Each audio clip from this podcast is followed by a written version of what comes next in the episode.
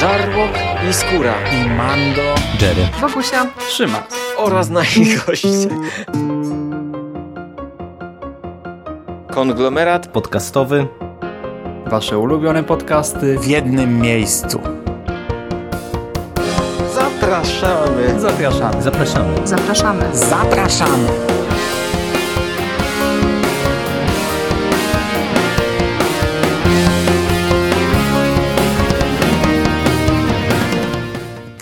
Witam Was, kochani, bardzo serdecznie w kolejnym odcinku konglomeratu podcastowego i kolejnym odcinku e, cyklu Moje seriale, w którym omawiam bieżące produkcje, bieżące sezony z mojej ramówki seriali.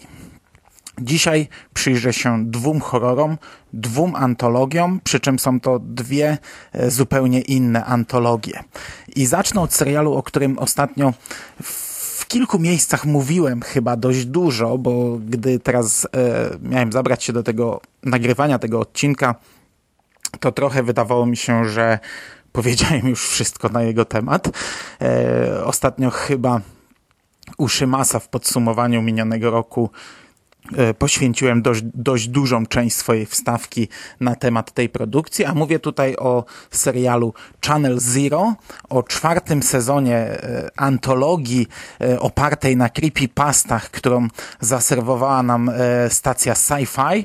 Czwarty sezon nosi tytuł The Dream Door i jest on oparty na podstawie opowiadania Hidden Door e, autorstwa Charlotte e, Bywater. Sam serial e, był produkcją nietypową. Mówię był, ponieważ e, niestety został już skasowany przez syfy. Sci-Fi zamówiło na etapie premiery od razu cztery sezony tego serialu i faktycznie te cztery sezony wyprodukowali i wyemitowali, czyli jak powiedzieli, tak zrobili. E, Wyemitowali je dosyć szybko, w ciągu mniej więcej dwóch lat. E, Każdy sezon był oddzielną historią bazującą na jakiejś creepypaście, czyli na takiej miejskiej legendzie internetowej i e, do tej pory to się udawało bardzo dobrze, z bardzo dobrym skutkiem. Ja w zasadzie z każdego e, sezonu byłem zadowolony. Już na starcie mogę powiedzieć, że ten czwarty sezon chyba podoba mi się najbardziej. To jest chyba mój ulubiony sezon całego serialu. Fabuła tego serialu opiera się na trochę e, takiej wchodzącej w superbohaterszczyznę wręcz, bo mamy bohaterów, którzy e, mają jakieś e, nadprzyrodzone moce. E, są jakimiś mutantami wręcz, którzy potrafią zmaterializować drzwi. Zaczyna się od tego, że para głównych bohaterów, małżeństwo, wprowadza się do nowego domu i zaczynają normalne życie, a w pewnym momencie odkrywają dziwne, niebieskie, błękitne drzwi w piwnicy, które nie wiadomo do czego prowadzą. Tutaj od razu można zaznaczyć, że mamy e, sporo humoru, takiego całkiem niezłego humoru, e, chociażby właśnie w tym pierwszym odcinku, gdy bohaterowie próbują otworzyć te drzwi, gdy sprowadzają swojego kolegę, który ma im pomóc otworzyć te drzwi, ale ten humor przewija się gdzieś tam jeszcze później. E, nie przypominam sobie, czy we wcześniejszych seriach e, mieliśmy zestawienie tej makabry, tej, tej dziwaczności, tego horroru y, z dowcipem, z humorem. Mm, Tutaj dość szybko dowiadujemy się, że no na razie nasza główna bohaterka, potem to się wszystko jeszcze rozwinie, e, potrafi tworzyć coś za pomocą tych drzwi. To znaczy ona potrafi coś wyśnić, wymarzyć, pojawiają się te, te, te magiczne drzwi i e, jest w stanie uwolnić to coś, co sobie wymarzyła. E, Fabuła pierwszych trzech odcinków skupia się na jej przyjacielu z dzieciństwa, który jest, to, to jest clown akrobata, czyli Pretzel Jack. Bardzo dziwny, bardzo niepokojący, e, bardzo creepy, e, bardzo przerażająca postać. Jest to jej taki obrońca, którego ona sobie wymarzyła w dzieciństwie. Potem o tym zapomniała. Dowiadujemy się, co się stało z pierwszą wersją tego obrońcy. On teraz wrócił, wrócił w sposób jak najbardziej horrorowy i pojawia się przy niej za każdym razem, gdy ona się na kogoś wkurzy, gdy jest zła. Gdy ktoś jej czymś podpadnie, on pojawia się, by wymierzyć sprawiedliwość. Tutaj już od razu można zaznaczyć, że mamy kilka naprawdę bardzo brutalnych scen, bardzo mocnych scen, ale też to jest sam początek i tutaj też warte jest podkreślenia to, ja pomimo tego, że to ma sześć odcinków, na etapie gdzieś tam drugiego, trzeciego odcinka nie bardzo wiedziałem, do czego to zmierza, bo wydawało mi się, że już e, tak naprawdę wydoiliśmy wszystko z tego pomysłu i ten pomysł już zmierza do końca. I faktycznie on zmierzał do końca, a dostawaliśmy jakiś twist. To nie był taki nagły twist, bo ten twist był wcześniej podbudowywany, tylko że mm, my jako widzowie niekoniecznie zwracaliśmy uwagę na tę podbudowę do tej pory, bo skupialiśmy raczej swoją uwagę na czymś innym. I teraz nagle, gdy, gdy dochodziło do tego zwrotu akcji, gdy okazało się, że, okazywało się, że fabuła będzie szła w innym kierunku, no to uświadamialiśmy sobie, że kurczę, mieliśmy pełno oznak, pełno sugestii, że tak będzie. I tak jest chyba ze dwa razy w tym serialu, w tym jednym sezonie sześcioodcinkowym. I y, to może brzmi, wiecie, że, że to jest takie szarpane, ale nie, to jest jak najbardziej płynne. Ja byłem pod wrażeniem, jak, jak twórcom udało się w ciekawy sposób zapełnić te sześć odcinków e, kilkoma tak naprawdę e, wątkami, bo, bo jeden wątek się kończy, drugi zaczyna zmierzać gdzieś w innym kierunku, potem wraca ten pierwszy i tak dalej, i tak dalej. To jest naprawdę dość dobrze zrobione na dużą pochwałę zasługują e, ten, ta, ta negatywna część tego, tego sezonu, no bo Precel Jack jest, jest jednym z bohaterów i tutaj e, trzeba od razu zaznaczyć, że kurczę, ja podczas seansu zastanawiałem się, ile z tego jest e, faktycznie, e, wiecie, ile tych jego dziwnych wygięć jest faktycznie zrobionych, e, odegranych na, m, mm, przed kamerą, ile tego jest zrobione komputerowo. E, tutaj trzeba mocno i to tak bardzo, bardzo mocno podkreślić, że w tym serialu większość, prawie wszystko tak naprawdę, to są efekty tak zwane praktyczne. I, i to jest zrobione za każdym razem świetnie i za każdym razem mega klimatycznie i ten Pretzel Jack, który wygina się w niesamowicie dziwaczny sposób, to faktycznie jest Troy James. Ja e, googlując sobie grafiki Pretzel Jacka, trafiłem przypadkiem na zdjęcie, gdzie on e, trenował gdzieś tam z jakimś właśnie trenerem, ćwiczył różne pozycje do, do tego sezonu. No nie wiem ile tutaj rzeczy faktycznie on odegrał, no bo część musiała być zrobiona w jakiś, jak, jakoś tam podrasowana, ale ja miałem skojarzenia, gdy oglądałem ten serial z jednym, odcin z, odcinku, z jednym z odcinków Flasha, e, gdzie występował Ragdoll, który wyginał się w bardzo podobny sposób. No i potem odpaliłem e, bloga Michała Ziai, przeczytałem jego recenzję i dowiedziałem się, że faktycznie Troy James grał Ragdola, e, czyli postać z Flasha. Ten aktor grał jeszcze w serialu The Strain, ale ja przy The Strain przetrwałem jeden odcinek, więc nie mam pojęcia, kogo grał i w jaki sposób. Zakładam, że też postać wyginającą się w, taki, w takim stylu, w taki sposób, ale powiem wam, że to wypadło świetnie. Precel Jack jest genialną postacią i tutaj też warto podkreślić, ja to chyba podkreślałem też w czasie podsumowań Uszymasa, że tutaj masa scen jest rozgrywana w dzień. E, na przedmieściu amerykańskim, e, w, na wiecie, na trawnikach, na chodniku idzie ten, ta, ta dziwaczna postać idzie i robi tak gigantyczne wrażenie, przy czym to nie jest wyjątek, bo e, drugi sezon kojarzy mi się z ciemnością, ale nie tylko, tam też były sceny w tej, w tej dzielnicy rozgrywane w dzień.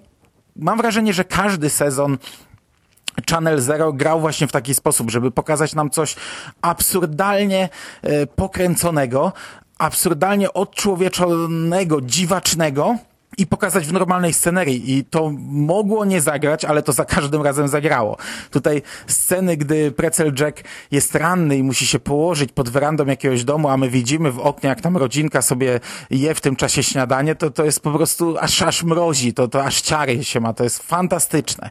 Ale e, też e, trzeba zaznaczyć, że Precel Jack nie jest jedyną, e, nie jest jedyną potwornością tego sezonu. Mamy drugiego bohatera, również przyjaciela z dzieciństwa, Tolboya, który kurczę też robi niesamowite wrażenie. To jest taki wielki gość w krótkich spodenkach, w krótkim rękawku, ubrany jak taki chłopczyk ze szkoły, z, ze zdeformowaną twarzą i e, taki, taki kołek maksymalnie brutalny, który idzie i, i zabija w brutalny sposób e, różne postaci.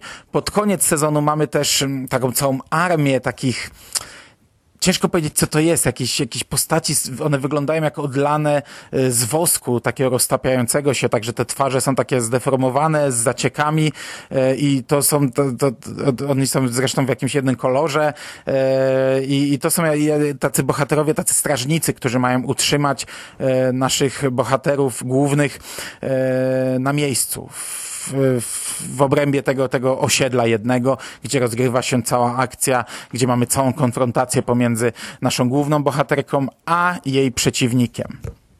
E, co też warto podkreślić, e, ten serial, tak jak i ten sezon, tak jak i wszystkie poprzednie, też przekracza granice. Jest, jest jedna scena już tak bliżej końca, gdzie główna bohaterka kocha się ze swoim e, mężem i w trakcie tego aktu pojawiają się drzwi na ścianie i to, co oni wyciągają za tych drzwi i to, co potem z tym robią, to jest przekroczenie pewnej granic, jak dla mnie. I mi naprawdę mnie wywracało na drugą stronę, jak, jak, jak oglądałem te sceny, pomimo tego, że to nie jest jakoś ekstremalne. Wiecie, tu mieliśmy dużo brutalniejsze sceny, mieliśmy dużo dziwaczniejsze, ale to jest e, tak zła rzecz, że aż boli.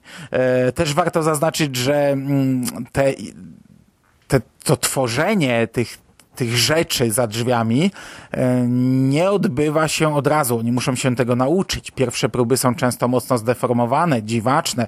Pierwsze próby umierają bardzo szybko e, i to też jest dobrze zrobione. To też robi wrażenie. Na koniec mógłbym jeszcze wspomnieć, że mm, swoje pięć minut w tym sezonie ma Steven Weber, aktor, którego ja bardzo lubię. Lubię go od czasu skrzydeł. Potem on występował w tych uznawanych za słabsze ekranizacjach Kinga. E, w wielu filmach Kinga wystąpił. Ja zawsze Stevena Webera lubię, gdy go widzę tutaj przyznam się, że ja nie śledziłem newsów, nie wiedziałem, że on tu będzie występował i w pierwszym momencie go nie poznałem. Poznałem go dopiero w drugiej scenie. E, troszeczkę się zestarzał, ale też ma taką rolę mm, siedzącą, spokojną. E, no, wiecie, nie będę przedłużał. Powiedziałem na początku, że to jest chyba mój ulubiony sezon i podtrzymuję to. To jest e, chyba mój ulubiony sezon. Jeszcze raz odwołam się do recenzji z bloga Michała Ziai, który nadrobił cały serial, bo zaczął od sezonu trzeciego z Rutgerem Hauerem i mamy tradycyjnie całkowicie odmienne opinie, bo dla mnie, patrząc na całość, podsumowując całość, trzeci sezon był sezonem najsłabszym. On miał swoje plusy, on miał bardzo dobrą pierwszą połowę, dużo gorszą drugą połowę, ale miał też, wiecie, masę takich rzeczy, które go bardzo mocno charakteryzowały i które ja będę szalenie dobrze wspominał, ale jako całość e, oglądało mi się to najgorzej i jako całość wspominam najsłabiej, ale to nie znaczy, że to było złe. E, natomiast drugi i czwarty sezon, które kurczę Michał Ziaja też zestawił ze sobą jako równe, chociaż e, dużo słabsze według niego. E, ja je właśnie stawiam też jako równe, ale jako najlepsze z tego serialu, przy czym czwarty wybija się tutaj dla mnie jeszcze mocniej. Pierwszy jest gdzieś dla mnie po środku. E, chociaż tak naprawdę musiałbym go teraz pewnie odświeżyć i skonfrontować z tymi trzema pozostałymi. No niestety, niestety, serial dostał cancela, serial nie utrzymał się na antenie. Dla mnie to jest e, tak naprawdę jedna z gorszych informacji e, serialowych z tego roku. Ja jestem bardzo niezadowolony, że to się nie utrzymało, bo bardzo lubiłem tę antologię. To, to był według mnie jeden z ciekawszych seriali, jakie mieliśmy w ciągu ostatnich kilku lat. Jeśli lubicie horrory, jeśli lubicie antologię, no to już w ogóle to była rewelacja. E, do tego wiecie, niedługie, to, to można było obejrzeć na raz, to nie bolało, to każdy sezon dostarczał nam coś nowego i, i ten serial mm, łamał granice horroru. Kurczę, po, po, powiecie, po tylu latach istnienia gatunku on potrafił mnie czymś zaskoczyć. Potrafił mi pokazać coś, czego ja nie widziałem do tej pory. I, i, i potrafił mi pokazać coś, że ja, wiecie, zbierałem kopary z ziemi. Że coś takiego można zrobić na szklanym ekranie i pokazać to widzom. że taką historię można napisać i, i, i potem ją zrealizować. I, i każdy z tych sezonów e, dostarczył mi czegoś takiego i ja będę tęsknił. To był naprawdę dobry serial. Szkoda, że musieliśmy się rozstać. I teraz tak, chciałem jako drugi, jako drugą produkcję dzisiaj omówić Z-Nation, ponieważ e, sci-fi skasowało w tym sezonie również Z-Nation. Chciałem zrobić taką myśl przewodnią e, tego odcinka. Serie, świetne seriale horrorowe skasowane przez e, sci-fi. No ale Z-Nation piątego sezonu jeszcze nie obejrzałem, bo cały czas czekam, aż Netflix udostępni go u siebie. Więc chwyciłem za inną antologię i stwierdziłem, że będzie taka pozytywna e, recenzja na koniec, że Tutaj po tych płaczach, smutkach skasowali mi Channel Zero. Opowiem o czymś fajnym, bo wziąłem coś, co zapowiadało się jako rzecz ciekawa. No, już tutaj mogę zaspoilerować, że nie, nie była ciekawa. Mówię tutaj o serialu Folklore, o również sześciodcinkowej antologii e, azjatyckiej od HBO Azja, przy czym zrobionej na innej zasadzie. Każdy odcinek to jest e, inna historia, każdy odcinek to jest zamknięta opowieść. E, jak sam tytuł wskazuje, folklor opowiada nam o różnych wierzeniach, mitach, o jakichś, wiecie, wiedźmach, o jakichś... E, rzeczach, które są zakorzenione w danym rejonie Azji, a co ciekawe, każdy odcinek e, jest wyprodukowany właśnie w innym rejonie. I tak ja sobie przelecę przez te sześć odcinków i dosłownie po trzy zdania o każdym, mm, żeby tutaj nie przedłużać. Pierwszy odcinek indonezyjski A Mother's Love. Opowiada nam właśnie o wiedźmie, która uprowadza niekochane dzieci i główną bohaterką jest matka, która ma syna, która bardzo bieduje i próbuje gdzieś znaleźć lokum do mieszkania, próbuje znaleźć jakąś pracę i ona odkrywa też właśnie cały strych w pewnym domu e, uprowadzonych dzieci i ten odcinek ma problem z, ze znalezieniem jakiejś, jakiejś spójnej linii, bo tutaj mamy masę rzeczy rzucanych, tak, tutaj gdzieś jakiś, jakiś specjalista w telewizji wypowiada się właśnie o tej wiedźmie, która uprowadza dzieci, które są niekochane przez matkę, ona sama gdzieś tam, mamy wątek w szpitalu psychiatrycznym, za chwilę. E, mamy wielki twist, którego mogliśmy się spodziewać dużo wcześniej, co się stało tak naprawdę z, z jej dzieckiem, mamy jakieś wcześniej sny poprzedzające to wszystko, gdzie ona ma jakieś przebłyski informacji, co się dzieje z jej synem. Potem znów gdzieś tam pojawia się wiedźma. Mam wrażenie, że ten odcinek w ogóle się nie klei, że chciano tutaj napakować kilka wątków, ale nikt nie zadbał o to, żeby to spójnie zszyć ze sobą. E, oczywiście, no może się mylę. Jeśli ktoś oglądał i ma inne zdanie, to niech mnie tak w miarę grzecznie, kulturalnie, bez wyzywania poproszę uświadomi, że jestem idiotą. Ale ja już tutaj na starcie byłem, już mnie trochę to cofnęło, bo, bo dostałem odcinek, który miał może ze dwa, trzy takie fajne motywy, chwilowe, ale całość dla mnie się tak nie kleiła, była tak rozlazła i, i, i ostatecznie też trochę bez sensu.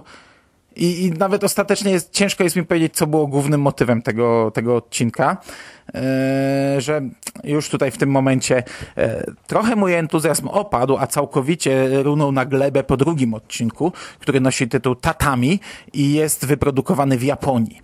I Tatami to są takie maty, na których Japończycy jedzą, e, śpią, e, żyją, siedzą, e, które wchłaniają gdzieś tam całą ich, ich wiecie, przez całe życie towarzyszą im i ostatecznie też najprawdopodobniej umierają na nich. Także to jest taki fajny motyw, żeby, żeby wprowadzić taką, taką rzecz, która towarzyszy nam przez całe życie i, i można coś z tego wyciągnąć. Głównym bohaterem jest dziennikarz, który pisze artykuł o brutalnym e, morderstwie, e, zdawałoby się jakimś religijnym w pewnej rodzinie. I tutaj przez pierwsze, nie wiem, 20 minut zastanawiamy się o co chodzi, bo tutaj jest cisza w tym odcinku. Potem dowiadujemy się, że ten bohater jest głuchoniemy i dlatego jest cisza, a że on tutaj gra w zasadzie pierwsze skrzypce, bo inne postaci to są epizody, no to cały odcinek jest w taki sposób skonstruowany i ja wam powiem, że to niestety nie gra. Ten odcinek jest piekielnie nudny. Powiem tylko tak, w końcówce, gdy, gdy, gdy dochodzi do pewnej sceny, w której faktycznie e, mamy taki element horrorowy związany z tym tytułowym tatami, e, no to gdy kończy się ta scena, to, to mamy taki, taki motyw, że e, leży ta mata na środku, ten bohater stoi obok i ja tutaj porównam do czegoś. Gdy byłem pierwszy raz w kinie na drugim Hobbicie, mamy scenę w końcówce, gdy Bilbo wchodzi do skarbca Smoga i idzie przez tę górę złota. I ja byłem w tej w kinie i mi się strasznie chciało iść do ubikacji. Nie? Ale mówię, kurczę, szkoda mi filmu, ale tam mówię, pobiegnę. Nie? Poleciałem, zrobiłem co trzeba, umyłem ręce, wróciłem. E, gdy wychodziłem, Bilbo stał na górze złota. Gdy wróciłem, a zajęło mi to pewnie ze dwie minuty, Bilbo stał na górze złota.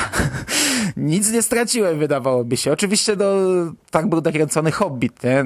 I, i, I, tak jak powiedziałem, byłem pierwszy raz ostatecznie na, na Hobbicie, w sumie na tym drugim byłem w kinie pięć razy, co burzy trochę to, co przed chwilą powiedziałem, mimo że nie powinienem się przyznawać, ale wracając do tatami, ta scena, o której mówię, gdy na środku leży ta mata, obok stoi e, ten mm, główny bohater, klęczy, e, ja na niej zasnąłem ona się ciągnęła, ciągnęła, ciągnęła, ja na niej zasnąłem. Wydawało mi się, że przykimałem na całkiem niezłą chwilę.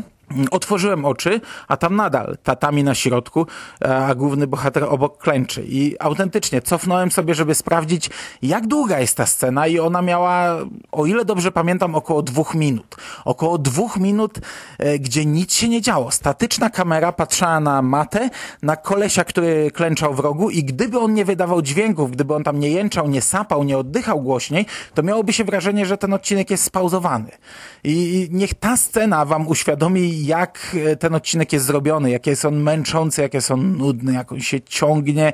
Po tym odcinku strasznie bolała mnie głowa i, i, i już byłem, powiecie, po, po jednej trzeciej serialu miałem dość, nie miałem ochoty oglądać dalej, ale stwierdziłem, że co tam, skoro przebrnąłem przez tyle, dojedziemy do końca. Trzeci odcinek Nobody, e, wyprodukowany w Singapurze. On jest, y, byłby może niezły, gdyby nie kilka mankamentów. Mamy tutaj budowę, gdzie y, widzimy bardzo dużą rozpiętość pomiędzy klasami. Wiecie, mamy jakiegoś kierownika budowy, który traktuje tych roboli jak śmieci, bo to są ludzie, którzy za, za grosze przyjechali gdzieś tam, żeby, żeby, żeby, żeby harować, a jak woły za, za, za marne pieniądze. On ich tam y, traktuje naprawdę jak coś, co im mu się do buta przykleiło. Natomiast nad nim jest jeszcze szef tego wszystkiego, który z kolei jego traktuje tak, jak, jak mu się chce. I w trakcie budowy e, robotnicy znajdują w ziemi zakopane zwłoki dziewczyny. E, ten szef budowy każe się pozbyć tych zwłok i to nie nagłaśniać tego, żeby e, nie robić sobie, wiecie, czarnej reklamy dla, dla biznesu. Oni mm, wyjeżdżają z tymi zwłokami. Jeden z robotników ma je zakopać, ale ma je spalić, ale stwierdza, że zrobi jej pogrzeb. Wykopuje dwa groby, w jednym zakopuje dziewczynę, w drugim pali jakieś gałęzie i odjeżdżają. Przed e, pogrzebem on wyciąga z jej szyi taki duży gwóźdź i okazuje się, że w ten sposób uwolnił jej ducha, który teraz będzie szukał zemsty. My e, w międzyczasie dowiadujemy się, co się stało z tą dziewczyną. No to nie jest przyjemne, w jaki sposób ona umarła. To jest e, dość nieprzyjemny epizod, ale cały, cała historia skupia się po pierwsze na tej obyczajowej części, gdzie widzimy problemy tych biedaków, po drugie na zemście ducha tej dziewczyny. Ten duch spaceruje sobie po tej budowie. Ci bohaterowie go nie widzą, my go widzimy. Oni go widzą w ostatecznej chwili, gdy on już przybiera takie, taką inną postać, ma takie szpony, zamienia się w takiego potwora i zabija ich, ale wcześniej widzimy po prostu, że ona sobie gdzieś tam usiądzie w kącie, przejdzie gdzieś, coś tam sobie popatrzy na kogoś i Problem tego odcinka jest taki, że ona zabija tylko tych złych. I, I, to tych naprawdę złych, tak jak powiedziałem. No, wiecie, jak y, przed chwilą nakreśliłem, jaką mamy tutaj sytuację, jak traktowani są y, ci pozytywni bohaterowie y, odcinka. No i my jako widzowie nie połamy żadną sympatią do, do tych ludzi, którzy są na, na górze te, tej piramidy. W ogóle ich nie lubimy i jeszcze mamy tę świadomość, że oni, jak oni potraktowali ciało tej dziewczyny, jak kazali je potraktować. No i tak naprawdę my to po prostu rejestrujemy. Patrzymy i czekamy na kolejny zgon. O, jest odhaczony, kolejny odhaczony, kolejny odhaczony, koniec odcinka. E, przez to ten odcinek nie dostarcza absolutnie żadnych emocji. Śledzimy to, co widzimy na ekranie. E, z wszystkim się zgadzamy, czekamy, aż ten odcinek się skończy. I tak jak powiedziałem, to mogłoby być niezłe, bo, bo to jest jest. E, to mogłoby być niezła historia, no ale, ale, ale nie jest. Czwarty odcinek, chyba. E, chyba jakbym miał coś wyróżnić, to właśnie ten epizod. Nazywa się POB, jest wyprodukowany w Tajlandii, jest w większości czarno-biały. E, mamy pewne motywy kolorowe, to jest wyjaśnione fabularnie, dlaczego ta część jest kolorowa, dlaczego ona ma się odróżniać. I to jest taka dziwna historia, bo mm, śledzimy rozmowę pewnego kolesia, który mówi po angielsku, przyjechał do Tajlandii i nie zna tego języka.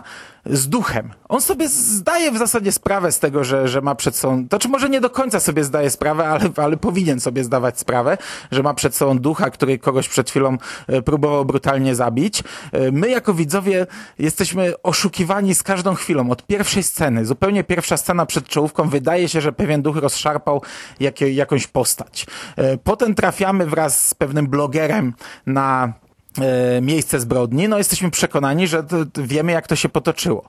Ten duch przychodzi do niego i zaczyna mu opowiadać i mówi do niego jak normalny koleś, tam wiecie, yy, jak, jak, dwóch facetów, którzy się spotkali i sobie dyskutują o czymś i w taki sposób oni rozmawiają. Yy, ten bloger ma świadomość, że rozmawia z duchem, natomiast duch opowiada mu właśnie tę historię o tym Amerykaninie, który zginął i jak do tego doszło i tutaj yy, my kolejny raz jesteśmy, wiecie, oszukiwani. Myślimy, że już wiemy, do czego to prowadzi. Nie, gdzieś tam kolejny zwrot akcji, trafiałem do szpitala, trafiałem na ulicę samochodem i tak dalej, i tak dalej. Całkowicie absurdalny odcinek, utrzymany w takim klimacie do końca i tak jak powiedziałem, jeśli miałbym coś wyróżnić, to czwarty odcinek. Jeśli chcielibyście cokolwiek obejrzeć, żeby tylko tak sobie sprawdzić, no to chyba tylko czwarty, chociaż on jest, wiecie, e, kompletnie oderwany, kompletnie z innej bajki, nie? Ale może dlatego właśnie jest fajny, że, że, że zrobiono coś, mm, coś ciekawego, coś nietypowego. Pamiętam, że gdy oglądałem ten, ten epizod, to też miałem jakieś zastrzeżenia. Miałem, miałem go tam na, na, za coś krytykować, także jeśli wy teraz siądziecie do niego, to na napiszcie, czy on faktycznie jest taki dobry, jak pamiętam, czy po prostu na, na tle całego miernego serialu ja wyróżniłem go gdzieś tam w swojej głowie, w swojej pamięci. E, dwa ostatnie odcinki. E, odcinek piąty, Toit, e, wyprodukowany na Malezji. To jest znów taki trochę chaos który tak naprawdę w, w, połowie wyparował mi już z głowy. Zaczynamy od tego, że e, widzimy samotną matkę, która chce oddać dziecko do, do tego okienka, gdzie oddaje się anonimowo dzieci, e, ale rezygnuje z tego ostatecznie, wraca do hotelu i w tym hotelu dochodzi do wybuchu gazu. E, oni giną, zostają spaleni, zarówno matka, jak i dziecko i wtedy mamy jakieś dziwaczne wiedźmy, które coś tam robią z tym ciałem. Potem przechodzimy do jakiejś wioski, gdzie mamy jakiegoś polityka, który, którego ojciec był negatywną postacią, który musi przez całe, e, całą swoją karierę polityczną walczyć z tym wizerunkiem. Tam dochodzi do zatrucia jakby rzeki i ten polityk wiąże się z jakąś kobietą, e, sprawiają, że życie w tym miejscu staje się lepsze. Są ratunkiem na całe zło, a na końcu dochodzi do pewnego twistu, dowiadujemy się czegoś i jeszcze czegoś, to wszystko się kompletnie nie klei. Miałem wrażenie, że zostało napisane tylko po to, żeby zrobić twist. Kompletnie rozczarowany byłem po tym odcinku, zakładając, że tu można mówić o rozczarowaniu, bo moje oczekiwania na tym etapie były już zerowe. Ostatni szósty odcinek, Mongdal, wyprodukowany na Korei, opowiada o dziwacznym chłopcu, dziwnym chłopcu, który uczy się w szkole, e, z którym nikt nie chce się kolegować, który ma jakąś przeszłość dziwną. Wszyscy e, myślą, że on odpowiada za śmierć jednej dziewczyny, że był takim e, koreańskim stalkerem małym, który ją tam mm, gnębił, śledził, zmuszał, mówił, że się z nią ożeni, że, że będą małżeństwem i tak dalej, i tak dalej, takie kompletnie poronione jazdy. I on teraz ma nowy cel, ma nową dziewczynę, która najpierw chce okazać mu jakąś tam sympatię, ale potem to wszystko eskaluje tak mocno, że faktycznie to, co mogliśmy słuchać od ten chłopcu, wydaje się prawdą. Jeszcze widzimy jego życie w domu rodzinnym. Jego matka jest nauczycielką, on ma na górze w swoim pokoju jakiś popiersie takiego manekina, które ubiera tak samo jak tą dziewczynę ze szkoły, sypia z nim, śpi w łóżku. E, strasznie dziwaczne pojechane jazdy. E, no i tam dochodzi do do pewnych śmierci. Nie będę mówił, kto umiera, ale e, pojawiają się jacyś szamani, którzy sprawiają, że e, sugerują, w jaki sposób można sprawić, że ta dusza zazna spokój. Pewne rytuały są odprawiane, bohaterowie, którzy przeżyli, przekraczają pewne granice okej, okay, to jest spoko, ale to jest nadal niczym nie wyróżniający się odcinek, który nadal trochę męczyłem i cieszyłem się z każdą upływającą minutą, że zamykam ten serial. Podsumowując, absolutnie nie polecam. Uważam, że jest to nudne, jest to nijakie, nie klei się to większości w ogóle. E, większość odcinków jest naprawdę miernych. I jeszcze raz proszę, jeśli macie inne zdanie, jeśli siedzicie bardziej w e, kinie czy w filmie ogólnie e, azjatyckim, bo ja trochę odpłynąłem od mm, tej gałęzi. Kiedyś ileś tam lat temu siedziałem w tym dużo, dużo bardziej. I jeśli macie inne zdanie i może twierdzicie, że kompletnie się nie znam, to poproszę o dyskusję, o komentarz. Możemy sobie pogadać, e, albo wy po prostu wyłóżcie mi, e, w czym według was się mylę. A jeśli oglądaliście ten serial i macie podobne zdanie, to też możecie gdzieś tam e, zaznaczyć swoją obecność. To by było na dzisiaj wszystko. Bardzo Wam dziękuję za uwagę. Trzymajcie się ciepło. Do usłyszenia. Cześć!